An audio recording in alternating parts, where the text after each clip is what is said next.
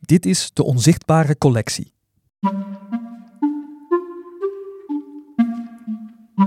In deze podcast van Mares Huis voor Hedendaagse Cultuur in Maastricht kun je luisteren naar kunstwerken.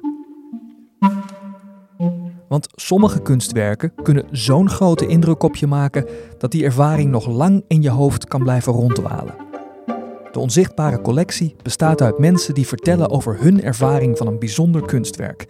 En zonder het te zien, gewoon door te luisteren, roepen hun beschrijvingen bij ons beelden op. Zodat wij daarna misschien ook op die manier dat kunstwerk of andere kunstwerken kunnen bekijken.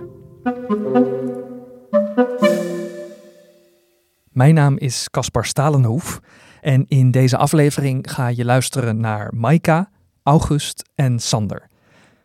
Ze beschrijven alle drie kunstwerken waarin de aandacht uitgaat naar bloemen. Maika begint met een schilderij van Vincent van Gogh. Hij heeft het een jaar voor zijn dood geschilderd, in 1889. En dat was toen hij zich vrijwillig had laten opnemen in een psychiatrisch ziekenhuis, vlakbij Arles in het zuiden van Frankrijk. Het doek staat vol met diep violetblauwe en zongele irissen. Een echt kleurenfestijn. Gepaard met de vibrante kleuren hebben ze een wazige mintgroene stengel, waardoor er een mooie balans is. Naast deze felle kleuren is er een één kleurloze witte iris die eruit springt op de voorgrond. Al deze bloemen zijn gevestigd op een lichtbruine, beigeachtige bodem. De kunstenaar zelf zag het werk als een bliksemafleider voor zijn ziekte. Terwijl in zijn hoofd een orkaan gaande was, probeerde hij een wit doek te transformeren tot een volmaakte weerspiegeling van hoe mooi het leven kan zijn. De hoop van bloemen in de lente, die aangeven dat alles in het leven uit een cyclus bestaat, waarbij verwelking uiteindelijk altijd weer vervangen wordt door bloei. Van Gogh probeerde wellicht tijdens zijn eigen periode van verwelking met de schilderij uitzicht te houden op een nieuw lichtpunt in zijn leven. Het werk is luchtig en vol met leven geverfd. Je hoort de wind suizen, een lichte geur van de bloemen. Adem in, adem uit. Je voelt je haren in de wind en stuurt een lichte rilling door je lijf. Adem in, adem uit. Omsingeld er bloemen en het verwarmende gevoel van het zachte zonlicht op je huid. Adem in, adem uit. Je wordt meegenomen in een moment en de tijd staat even stil.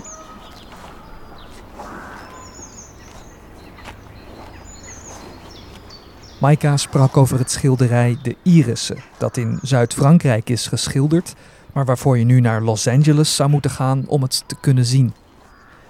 Voor het volgende kunstwerk hoef je minder ver te reizen. Je moet ervoor naar de Veluwe. Of je kunt luisteren naar August, die door deze geschilderde appelboom voortaan heel anders naar echte appels kijkt. Laatst had ik in mijn tuin takken van een boom gesnoeid en die takken moest ik in de groene containerbak proppen. Die takken waren nogal weerspannig en wilden van alle kanten uit de opening springen. Opeens moest ik denken aan een schilderij in het Krullenmullen Museum op de Hoge Veluwe.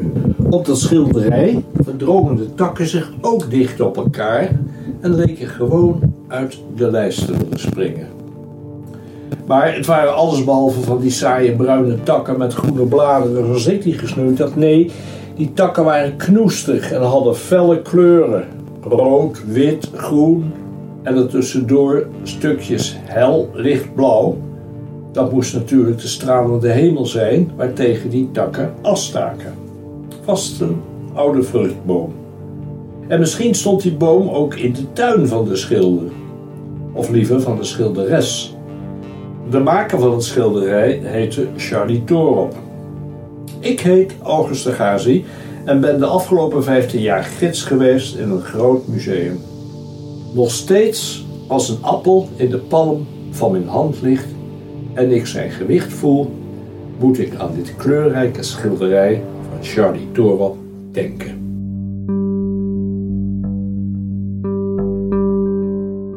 Voor het laatste kunstwerk in deze aflevering van de Onzichtbare Collectie gaan we naar Zuid-Afrika, waar Zander voor het eerst dit schilderij zag van Wole Laganju. een schilder uit Nigeria die nu in de Verenigde Staten woont. Hierop is een vrouwelijke figuur te zien, maar ook voor Sander is het de bloemenpracht die het schilderij zijn betekenis geeft. Er staat een vrouwelijke figuur op de voorgrond. Sy heeft een onverwacht voorkomst. In plaats van haar gezicht sien jy 'n tradisioneel Afrikaanse masker. Dit is 'n gelede masker van die Yoruba etniese stam. Dit onderste gedeelte van die masker bestaan uit 'n sereen gesig met 'n groot en veel meer gedetailleerde koptweesel bowe. Die koptweesel heeft 'n meer organiese vorm met subtiele simmetriese kenmerke. Het masker heeft veel simboliese betekenis. Dit word oorsaaklik gebruik om die rol van die vrou te vier. Die vrou dra 'n elegante kleding met lange fluweel witte handskoene. Haar jurk waai sagtens in die wind. Sy is die toonbeeld van elegansie met 'n byna Jackie Kennedy of Grace Kelly-agtige look. Op haar kleding staan kleurryke bloeme. Hierdeur vloei sy oor in 'n al ewen kleurryke agtergrond. Die bloeme eisende aandag. Pas daarna sien jy die figuur. Er zijn veel verschillende kleuren bloemen. Blauw, oranje, rood, geel, pink, paars en veel meer. De bloemen vertegenwoordig de vrouwelijke aspecten van het werk. Door het werk kom verschillende thema's en symbolische betekenis naar voren. Die tegenstelling tussen traditionele Afrikaanse gebruike en ikoniese klassieke westerse beelde. Het verkenning van nosies oor ras, etnisiteit en vroulikheid. 'n Kontemporêre herdefinisie van tradisionele Yoruba Afrikaanse visuele kuns. Wil je zelf een verhaal inspreken? Iedereen is welkom. Klik in de show notes op de link voor meer informatie over de onzichtbare collectie en hoe je daaraan kunt bijdragen.